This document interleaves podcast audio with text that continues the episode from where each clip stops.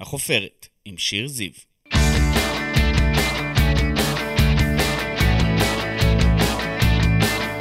ברוכים הבאים לחופרת, אני שיר זיו, עיתונאית ישראל היום, אשת תקשורת וסופרת, וכאן בפודקאסט שלי אנחנו חופרים מדי שבוע באולפן ישראל היום עם אדם, בעל שם, מישהי או מישהו שכולכם מכירים מתעשיית הבידור, מעולם הספורט, מהתיאטרון או מהרשתות החברתיות. אז קדימה, בואו נצא לדרך. מדליית זהב ללינוי אשרם שהגה מירי נבו באוגוסט שעבר, כשאשרם זכתה בתואר הנחשף מכל. המתעמלת הבכירה של ישראל בהתעמלות אומנותית, עם 11 מדליות באליפויות העולם, אלופת אירופה בתחרות הקרב רב ב-2020, ושלל הישגים ותארים, לינוי אשרם הלכה עד הסוף עם החלום, וחזרה הביתה מאולימפיאדת טוקיו כווינרית. מאז היא הספיקה להצטלם, להרצות, להתנדב, להפוך לפרזנטורית של תלמה, ועוד לפני זה של אולווייז, להודיע על פרישתה מהתעמלות אומנותית, להצטרף לפסטיגל הקרוב, והיום היא כאן איתנו בחופרת. תודה רבה שהגעת לינוי, כבוד גדול לארח אותך אצלנו. תודה רבה. מה שלומך היום? אה, וואו, מעולה האמת. עמוסה מאוד, אבל אה, ככה חיי את החיים. איך נראה סדר יום שלך עכשיו? אמ, אז האמת שעדיין אין כל כך סדר יום מסודר, כי אני כל יום נמצאת במקומות אחרים, מסתובבת בין, בין רחבי הארץ. אמ, ולא יודע, די אה, זורמת כזה עם הלו"ז שלי. הכל שונה מאוד מלפני שנה. את מרוצה מהמקום שאת נמצאת בו היום? את רגועה? Uh, כן, אני מרגישה שאני שלווה, שאני, אפשר להגיד, uh, חופשייה, שאני פתוחה לדברים אחרים ולא אותם דברים כל יום. אז כן, אני לגמרי שלמה עם זה. מסדר יום סופר מתוכנן, שאת יודעת בכל רגע נתון איפה את צריכה להיות, פתאום את uh, ספונטנית, את יכולה להחליט מה שבא לך, זורמת? Uh, כן, אני יכולה להגיד לך שאני מאוד ספונטנית. Uh, ביום אחד, נגיד, החלטתי שאני רוצה שבוע הבא לטוס ללונדון, אז uh, מאוד מאוד ספונטנית. כן? הזמנת ככה כרטיס? כן, ומת... באתי לחברה שלי, שאלתי עד כמה את ספונטנית לטוס ללונדון, להופעה של קודפליי. באותו יום קנינו כרטיס. די. זה... כן. היית יכולה לדמיין שתהיי ככה? שנה אחורה? לא, היה קשה לדמיין את זה. ניסיתי לדמיין, האמת, אה, הרבה, מה יקרה אחרי שאני אפרוש, מה יקרה אחרי האולימפיאדה. אמ, דמיינתי את זה קצת שונה, אבל אה, עכשיו זה, זה, זה יותר טוב ממה שדמיינתי. איזה כיף לשמוע, כי את יודעת, המון ספורטאים נורא מפחדים מהיום שאחרי. הם נורא רגילים למשהו מסוים, כפי שאת היית רגילה, ופתאום את אחראית על הלו"ז שלך, את אחראית על הכל עכשיו. אה, אז כן, זה מאוד מפחיד, ברגע שבאמת מודיעים על פרישה, ועכשיו לא, אני כבר לא ספורטאית. אז מה אני עושה עם עצמי, מה, לאן אני הולכת, מה אני, מה אני אה, מחליטה לעשות כל יום. אה, אז בהתחלה זה באמת מפחיד, אבל אני חושבת שאני נכנסתי לשגרה אה, מאוד מאוד מהר. אה, אם זה לימודים, אם זה להתחיל לאמן, אם זה באמת הרצאות וכל מיני דברים כאלה שאני עושה. אה, אז באמת בגלל שנכנסתי כל כך מהר לשגרה, אז כזה... לא מרגישה שאין לי מה לעשות, או שאני לא יודעת מה לעשות עם עצמי. לא היה את היום הזה במיטה שאת אה, שוכבת ובוכה, מה עשיתי? למה פרשתי? למה? לא, לא היה. לא היה את הדבר הזה. מזהים אותך ברחוב גם ככה, עם השיער הפזור, ובלי הבגד, אה, התעמלות, בלי בגדי התעמלות? כן, המון אנשים כן מזהים אותי. יש אנשים שלוקח להם זמן, ואז אומרים, רגע, אני מכיר אותך מאיפשהו, מאיפה את מוכרת לי? אמ, אבל כן, הרוב באמת מזהים אותי. מה אומרים לך? מהן התגובות? אה, וואו, אלופה, ראינו אותך, ותמיד יש את הסיפורים של מה הם עשו בזמן שזכיתי באולימפיאדה. כאילו, אז, אה, אנחנו החשובים, איפה אנחנו היינו? זה מסוג, זה מסוג האירועים האלה שאיפה את היית כש. אז זה כזה, אני שמחה ששמתי כזה דגש ל... לאירוע כזה שכל אחד יודע איפה הוא היה בזמן הזה. גם אני עכשיו אמרתי לך בדיוק, כן. לפני תחילת ההקלטה, סיפרתי לנוי שאנחנו היינו בבריכה ביום שבת, זאת הייתה. אוקיי, אז אני כמו כולם, את אומרת, בסדר. את ויתרת במרכאות על האנונימיות שלך, את מתגעגעת אליה? את נהנית מהפרסום היום? Uh, כן, יש בי צד שרוצה להיות, כן, עדיין אנונימית, ועדיין כזה לשמור על הפרטיות, ושאני אוכל לעשות דברים בלי שפתאום אנשים יסתכלו עליי או יתעדו את זה. Um, כי בסופו של דבר כל בן אדם אוהב את הפרטיות שלו. Um, ומצד שני, כאילו, זו הקריירה שלי, עשיתי את זה לא בשביל הפרסום ובשביל כל התהילה הזאת. עשיתי את זה באמת בשביל החלום שלי, בשביל להגשים את מה שאני, אה, לאן ש... ולהגיע לאן שרציתי בעצם להגיע. אה, אז כאילו אני שמחה שאני מקבלת את התהילה הזאת, כי כאילו... עבדת מאוד קשה בשבילה. עבדתי מאוד קשה בשביל זה. יש משהו שאת מתגעגעת אליו בספורט? זאת אומרת, בא לך לחזור קצת לרגע? התחרויות. האדרנלין? התחרויות, האדרנלין, על לעלות למשטח ופשוט להתחרות. זו הייתה עכשיו אליפות אירופה. והייתי מאמנת, וכשהמתאמנות שלנו, הישראליות, עלו למשטח, אז בעצם עליתי לקהל בשביל לעודד. אמ, ופשוט הסתכלתי ורק אמרתי, בא לי להתחרות, מה אני עושה פה בקהל? תחזרי, רגע. למה אני צועקת. לכן? אבל זה עוד לא מאוחר, את יכולה לחזור. אה, האמת שזה קשה מאוד, כי באמת שיא של מתעמלת נע בין אה, 18, 23, 24, כבר מאוד מאוד קשה להמשיך. אה, החוקה משתנה, אה, יש פה עכשיו דור צעיר מאוד מאוד חזק. אז אה, אני חושבת שזה, עשיתי את שלי והגעתי הכי גבוה שיכולתי, ועכשיו זה הזמן שלי באמת אה, להיות מאחורי הקלעים ולעזור לבנות האלה במה שאני עברתי, במה שאני יודעת, כמה שאני יכולה. מהניסיון שלך, בטח. ואת גם לומדת עכשיו, אמרת. כן, אני לומדת? אה, תואר ראשון בחינוך והוראה בספורט בווינגייט.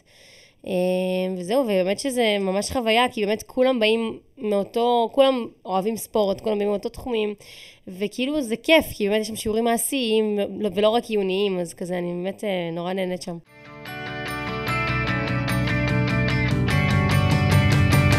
לינוי אשר, בואי נחזור להתחלה. את ילדה בת שש, אנרגטית, פעלתנית, ההורים, חדווה ואורן, שולחים אותך לחוג התעמלות במתנ"ס. יכולת לדמיין לאן תגיעי משם?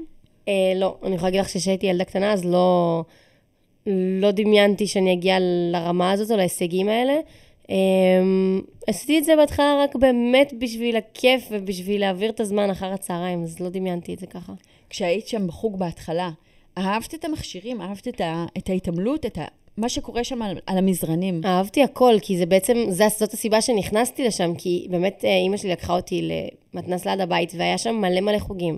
וממש הסתכלנו על כל מיני חוגים, וזה החוג שממש תפס לי את העין, ואמרתי לאימא שלי שפה אני רוצה להיות. מתי את מבינה שזה לא רק חוג, שזה הופך להיות משהו רציני, מקצועי, קריירה?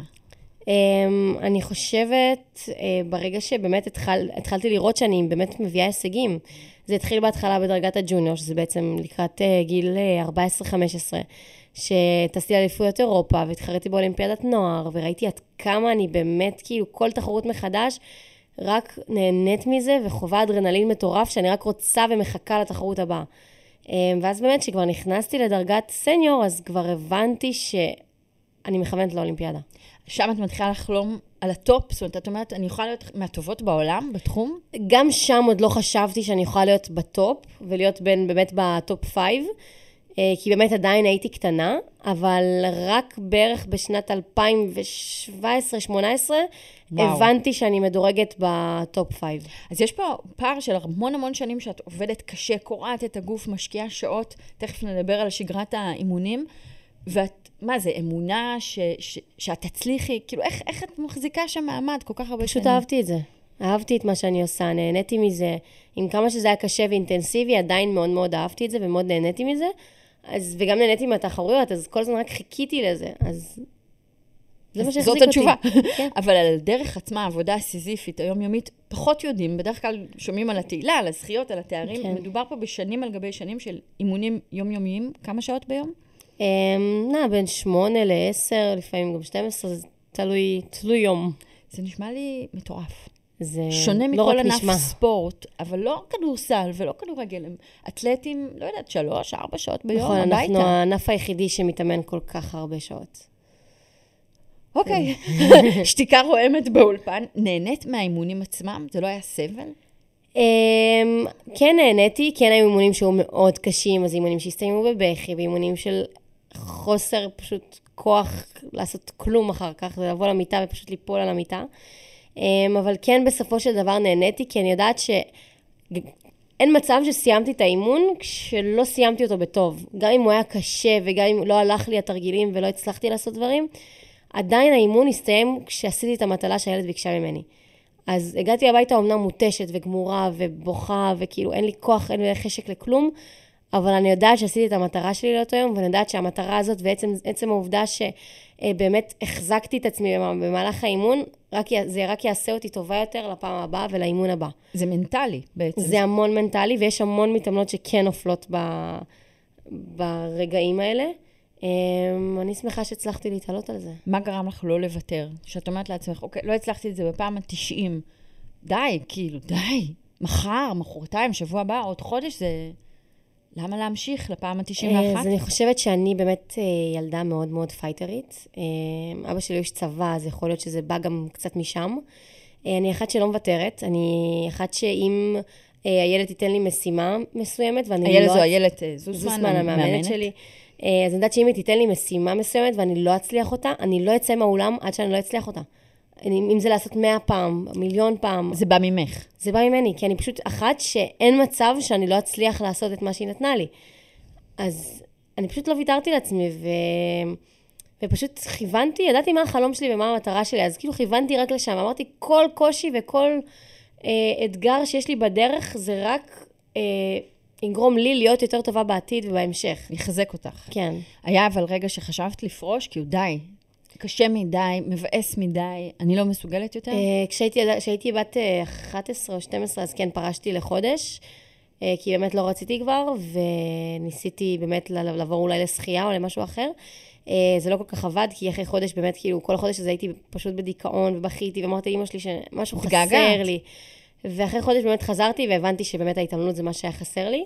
אה, אבל כשגדלתי, אז כן היו את הרגעים הקשים האלה שקמתי בבוקר ואמרתי, למה אני צריכה את זה, ולא בא לי, ובא לי להישאר במיטה, ולא בא לי לקום לאימון. אמ, אבל זה באמת רגעים מאוד מאוד קטנים, שאחרי זה אני פשוט אומרת לעצמי, רגע, יש לי אולימפיאדה בר... ברקע, אני רואה אותה. המטרה שלי שם. לשם.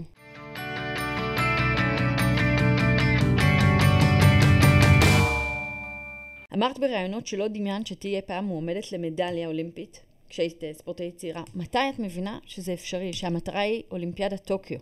2020? נניח. אמ, אז הבנתי שאני מועמדת לאולימפיאדת טוקיו בערך בגיל אה, 17, 2017 בערך, כן, גיל 18 כזה. אחרי אותה אליפות אירופה? אחרי, כן, אחרי אותה אליפות אירופה ואחרי אותה אליפות עולם, שבאמת הייתי המתעמלת הראשונה אה, בישראל שזכתה במדליית אה, ארד בעצם בקרב רב. אה, שם באמת הבנתי שאני מסוגלת להיכנס ל-16, כי באמת יש קריטריון באליפות עולם של 16 מתעמלות ראשונות שהן נכנסות. אז שם הבנתי שאני מועמדת באמת להיכנס לאולימפיאדה. פעם ראשונה שהתחלתי לחשוב שאני מועמדת למדליה, היה בעצם ב-2018, שבעצם שחזרתי את ההישג באליפות עולם, ואפילו שיפרתי אותו, הייתי אה, סגנית אלופת עולם. אמ, אז שם, וגם לפני תחרויות קודמות, אז באמת אני מועמדת כל הזמן ב, ב, על הפודיום, בשלישייה הראשונה. אז הבנתי באמת שאני יכולה להשיג מדליה באולימפיאדה, אבל עד האולימפיאדה עצמה, באמת עד הרגע של המוקדמות עצמם, אני כיוונתי את עצמי רק לערד. זה שמעתי ש... שאמרת מספר פעמים, וזה עדיין קשה להבין, אבל את יודעת, כי אנחנו יודעים איך זה נגמר בסוף. אבל... כי באמת, אה, אה, הרוסיות לא נתנו לנו את האפשרות אפילו לחלום ולדמיין את המדליית זהב זהב. או כסף. כי הם תמיד, הם תמיד היו מועמדות על, ה- על השתי מקומות ראשונים. וכולם, היינו באמת איזה חמש מתעמלות שכולנו פשוט. כיוונו על הערד. בעצם את אומרת, הייתי ריאליסטית. אני כיוונתי למה שחשבתי שהוא אפשרי באותם אה, ימים.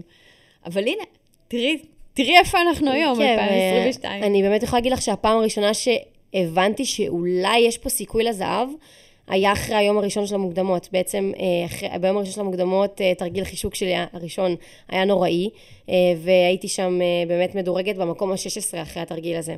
ורק העשירייה נכנסת לגמר. ובאמת, אחרי כל היום הזה, באמת הצלחתי לשפר את השלושה מכשירים האחרים, ואחרי כל היום הזה הייתי במקום השלישי. אז זה הנה, פער של באמת שתי נקודות מהמקום הראשון. ושם באמת בערב, כשאני זוכרת שישבנו בחדר אוכל ופשוט אה, הסתכלתי על הדירוגים, וראיתי שאני שלישית עם פער באמת מאוד מאוד קטן, אחרי כל הטעויות שעשיתי שם, אה, ניגשתי פשוט לאיילת ושאלתי אותה, אם לא הייתי מפילה את החישוק, הייתי ראשונה? והיא אמרה לי כן. ושם פעם ראשונה אמרתי ש... וואלה, אם אני עושה טוב, אולי יש פה סיכוי אולי לזהב. אני אביא את הזהב. אז הנה, אנחנו מדלגות פה קדימה, ישר למאני טיים, אולימפיאדת טוקיו, את שם, אוגוסט. אני אחזיר אותך שנייה אחורה. הלחץ לפני לספק מדליה, הרגשת מדינה שלמה על הכתפיים שלך? אמרת, אני חייבת להביא פה משהו? אה, אז כן, היה לחץ באמת מאוד מאוד גדול. אה, גם אם זה לחץ, לחץ תקשורתי, למרות שהוועד האולימפי ואיגוד ההתעלמות והמאמנת שלי פשוט אסרו על כתבים להתקרב אליי, בערך חודשיים לפני האולימפיאדה. היית סטרילית. היית... הייתי ממש, אף אחד לא התקרב אליי, וזה מאוד עזר לי. אמ, אז באמת לחץ תקשורתי קצת ירד ממני, אמ, אבל כן היה בתוכי את הלחץ הזה שאני יודעת שכולם מצפים ממני, כי אני גם פוגשת אנשים, ואנשים אומרים לי, "אה, רק זהב, את תבואי עם זהב, את תבואי עם זה, אז היה מאוד, היה סביבי מאוד אה, הרבה לחץ.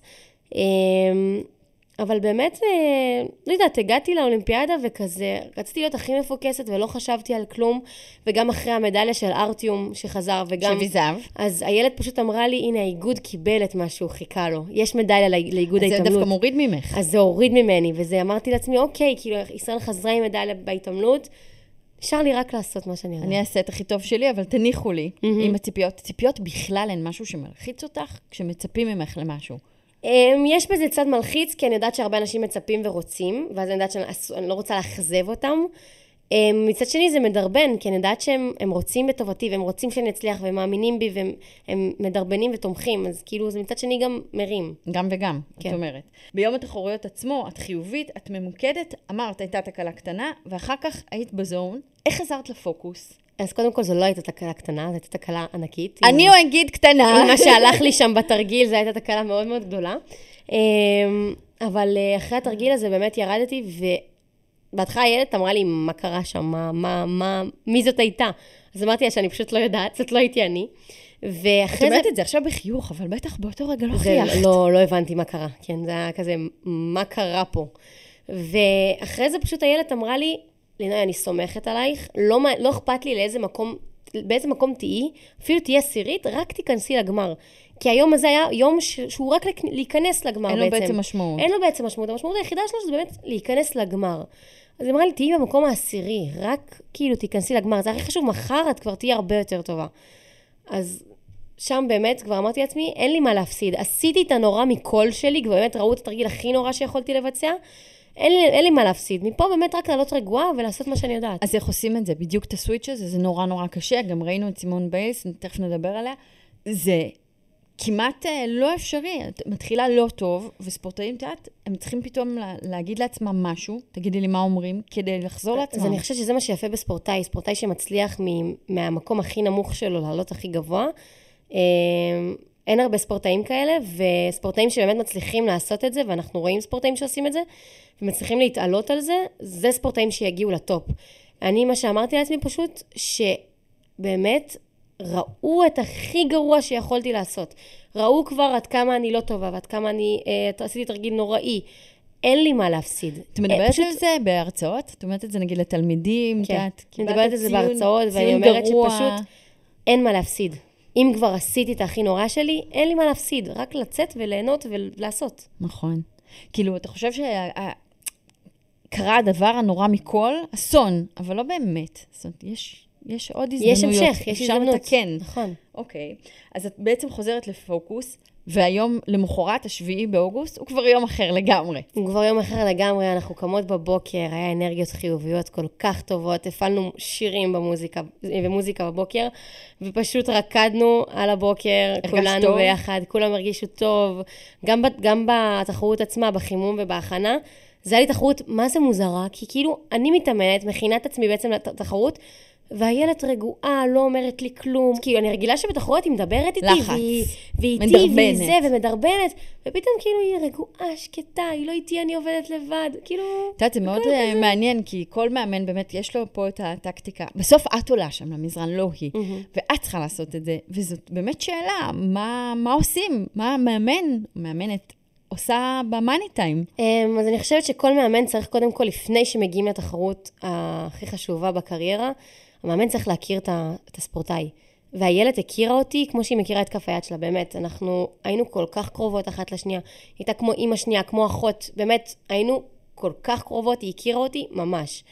אז היא ידעה מתי אני בלחץ, מתי היא גם, בלי, בלי שאני אגיד לה, היא רק הסתכלה עליי וידעה מה, מה עובר עליי ומה אני, היא צריכה לעשות כדי שבעצם יהיה לי את הכי טוב.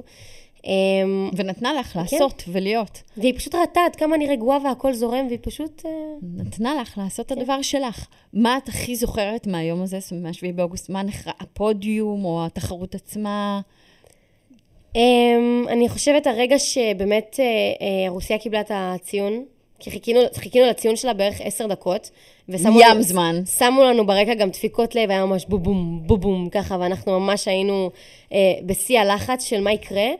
וברגע שהודיעו על הציון, פשוט קפצתי על הילד וחיבקתי, כאילו הרגע הזה, שפשוט כאילו, וואו. אושר? פה? כן. זה רגע של אושר? רגע של אושר ודמעות, ו, ו, וחוסר אמונה שזה מה שקרה. אבל זה קרה. הפודיום, את זוכרת? זה רגע שאת עולה? אה, ברור. שאני פשוט עומדת על הפודיום ושרה את ההמנון ומסתכלת, היה שם באמת יציע שהיה המון ישראלים. וכולם שרים ביחד, וגם ההמנון נכבה אחרי כמה זמן, והישראלים המשיכו לשיר, והמשכנו לשיר ביחד, וזה כאילו רגע שפשוט כל העבר פשוט עבר לי כזה מול העיניים, וכזה כאילו מה עברתי בשביל להגיע לפה.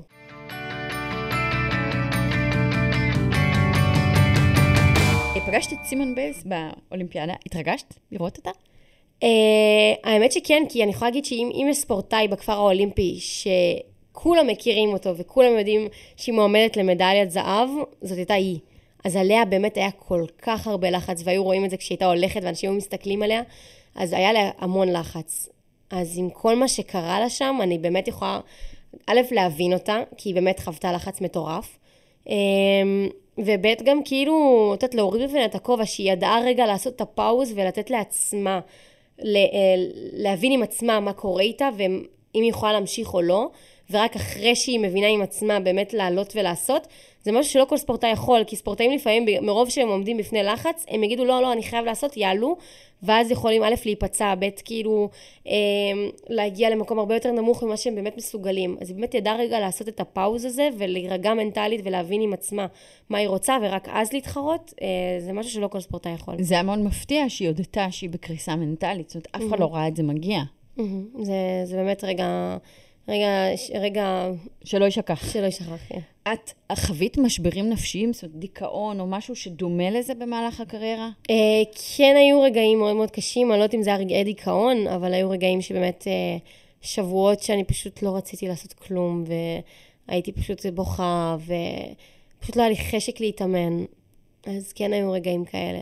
אמ, אבל עוד פעם, יש סביבי סביבה כל כך תומכת, שגם כשהילד ראתה אותי ככה, אז היא באה אליי ודיברה איתי, ופשוט החזירה אותי למסלול. לספורטאים מסוגך יש תדמית של מכונות, רובוטים, קילרים, זה גם דברים ששמעת בקריירה. זו תדמית אמיתית או שגויה לדעתך? אמ, יש בזה כאילו, זה גם אמיתי וגם שגוי, כי כאילו, נגיד, אני אתן לך מהענף שלי, כי אני באמת יודעת רק משם.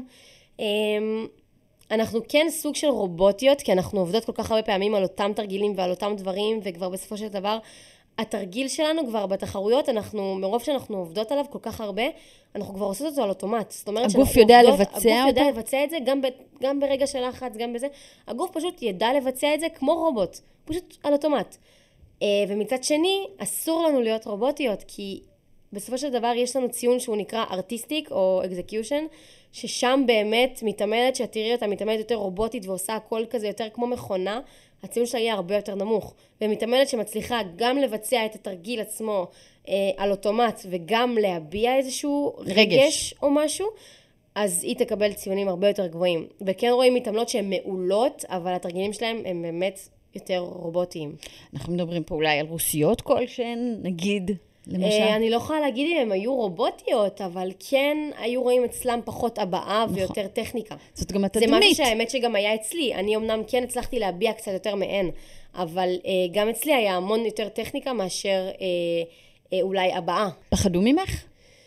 אה, בהתחלה לא, כי בהתחלה עוד פעם אני ישראלית, אז בדרך כלל כזה, את יודעת, מזרח אירופה כזה היה מוביל. אמ, אחרי שבאמת כבר נכנסתי לטופ, אז כן, כבר אני רואה מתעמלות שכאילו ידעו שאני מועמדת שם למדליות, ואני זאתי שיכולה באמת להיות המתחרה שלהם. אז אחרי כמה זמן כן כבר. אז הדרך זאת בעצם מלהיות אנדרדוג, ומי שלא ממש סופרים אותה ברצינות, לעלות ו- ולהיות ממש איום לגביהן. זה, זה היה התהליך? כן, כי בהתחלה באמת אף אחד לא כל כך האמין בי, בגלל שבאמת עוד פעם אני ישראלית, ולא... זה לא ענף של ישראליות כל כך. עכשיו דווקא כן, עכשיו רואים הרבה יותר... שמת אותנו על המפה. עכשיו רואים הרבה יותר ישראליות אה, דווקא אה, מתחרות. אה, אבל כן, זה להגיע ממצב שאף אחד לא חושב שאת תגיעי לאנשהו ל... להגיע לטופ. להגיע להיות אלופה אולימפית, זה, זה לא נתפס. אין, אין יותר גבוה מזה. איזה כיף זה, להגיד, אני הייתי אלופה אולימפית, מה אתם עשיתם בעשור האחרון? קשה לי קצת להגיד את זה, אבל כן.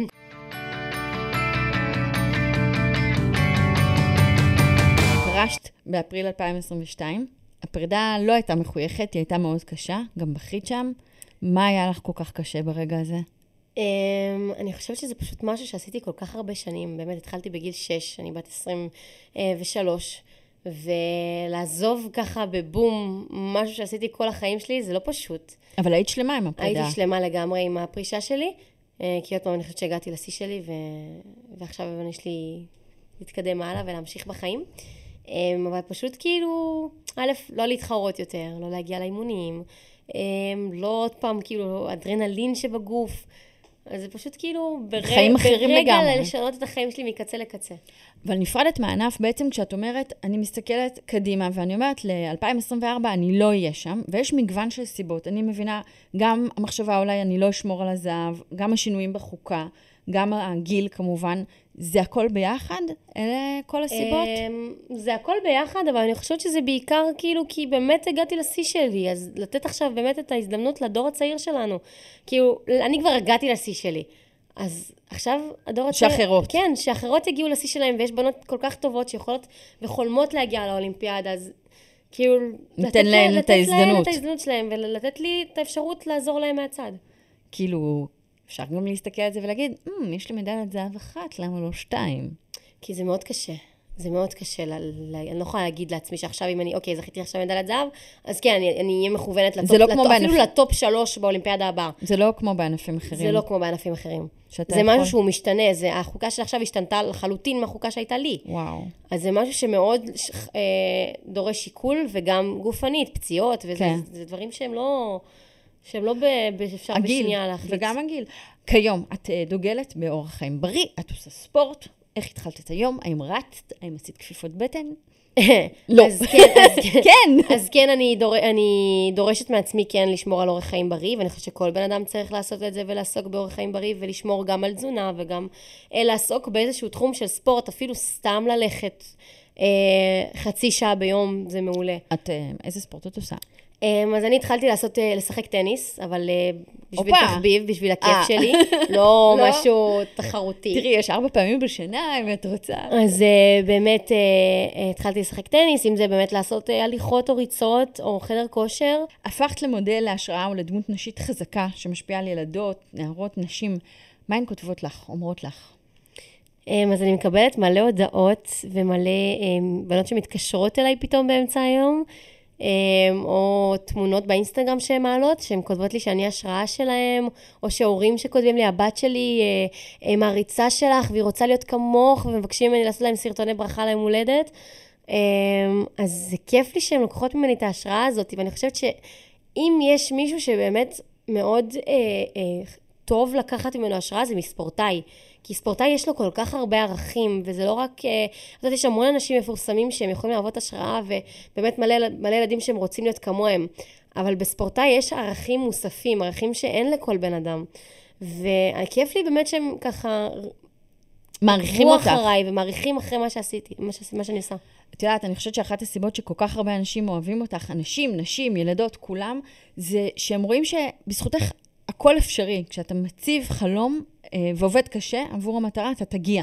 כמו שאת הגעת. השאלה היא, האם גם עבורן, המעריצות שלך, האם גם עבורן זה אפשרי? צריך לעבוד קשה, צריך גם כישרון, אולי מזל? Um, אני חושבת שזה די הכל ביחד. זה די, א', ליפול על היום שלך.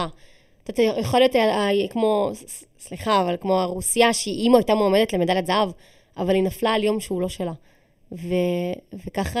דברים השתבשו קצת. כן. אז זה גם, גם סוג של מזל, אבל זה כמעט ולא, זה הרוב באמת כאילו עבודה קשה. וכישרון, אז אני יכולה להגיד לך שאצלי 10% ממה שאני עושה זה כישרון, ו-90% זה עבודה קשה. באמת, אני, הגוף שלי לא, לא נועד להתעמלות אומנותית. דווקא אני יותר אתלטית, או יותר כאילו יוצאת התעמלות קרקע, אה, או אקרובטיקה, אבל פחות כאילו התעמלות אומנותית. אז זה המון עבודה קשה של שנים שבאמת השקעתי והטמעתי בשביל להגיע לשם. איבנת את, את הגוף שלך בדיוק לדבר הזה, זה בסופו של באמת דבר. המון, המון המון עבודה קשה ורצון להצליח. אמרת שאת לא אוהבת לדבר עם פסיכולוגים, אבל הייתה סביבך כוורת של אנשים שכן שמחת עליהם, כן דיברת איתם. מי היו האנשים שם? אמ, אז זה באמת אה, איילת, המאמנת שלי, וההורים שלי. אמ, ואז באותה תקופה היה לי באמת בן זוג, אז הבן זוג שלי שתמך בי מאוד. וזה זה הפיזיותרפיסטית והמשזיסטית, זה כולם ביחד, באמת הרגשתי בנוח עטופה.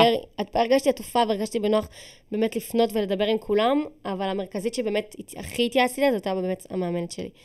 יותר. מעם ההורים שלי, כי היא באמת עברה איתי את הכל. הכל באימונים והיא ידעה הכל. ההורים שלי אמנם כן ראו אותי בבית באה וזה, וגם כאילו לא גרתי כל כך בבית, גרתי יותר בווינגייט. אמ, אז כן פחות כאילו פתחתי איתם, כי באמת אמרתי להם, אני מעדיפה שזה כל הקטע המקצועי והכל יישאר עם המאמנת. היא ראתה אותך. בוכה הרבה? מלא. מלא. יותר, יותר ממה? שההורים שלי. Uh, אני לא חושבת שאני בכיינית, אבל אני חושבת שאני uh, מאוד רגישה. אז אני, מכל דבר הכי קטן, יכולה פשוט, יכולים פשוט לרדת לי דמעות, כאילו, אפילו, דברים אפילו טובים אני יכולה לבכות, כאילו, לא רק דברים עצובים. אז כאילו, אני חושבת שאני פשוט, אני פשוט מאוד רגישה. זה קצת בניגוד לתדמית שלך, זה של. הקילרית. זה בניגוד לגמרי. אני יכולה להגיד לך שאנשים שרואים אותי פעם ראשונה ופוגשים אותי פעם ראשונה, אז אני מאוד שונה ממה שהם רואים אותי בתחרויות וממה שהם רואים אותי על המשטח. כי אני על המשטח נראית פייטרית ולוחמת וכזאת אחת הכי קשוחה בעולם. מרוחקת, כן. ומרוחקת, ושלא אכפת לה כזה מאף אחד. אמ, אבל אז פתאום כאילו הם פוגשים אותי ואני אחת כזאת שבדרך כלל לא מדברת הרבה. אז אני יכולה להגיד לך שעכשיו נגיד את רואה אותי אחת דברנית ואני מדברת איתך ככה, ככה באנו פתוח. לחפור. אבל אם היית רואה את לינוי לפני האולימפיאדה, זה משהו שמאוד השתחרר אצלי. אחרי האולימפיאדה אני פשוט יותר משוחררת, יותר פתוחה, יותר מדברת. אפרופו ראיונות, את הדמעות שלך אצל אופירה וברקוביץ', כולנו זוכרים. איך את עכשיו התאוששת? אה, כן, זה די מאחוריי, התאוששתי. אה, זה פשוט משהו שקרה ממש כמה ימים ספורים לפני, אז זה כזה עדיין עורר בי רגשות, ועדיין כזה, יודעת, הסתובבתי וראיתי תמונה שלנו, אז זה כזה משהו שמאוד אה, בבום כזה. שלנו זה שלך ושל חבר לשעבר. חבר לשעבר. כן.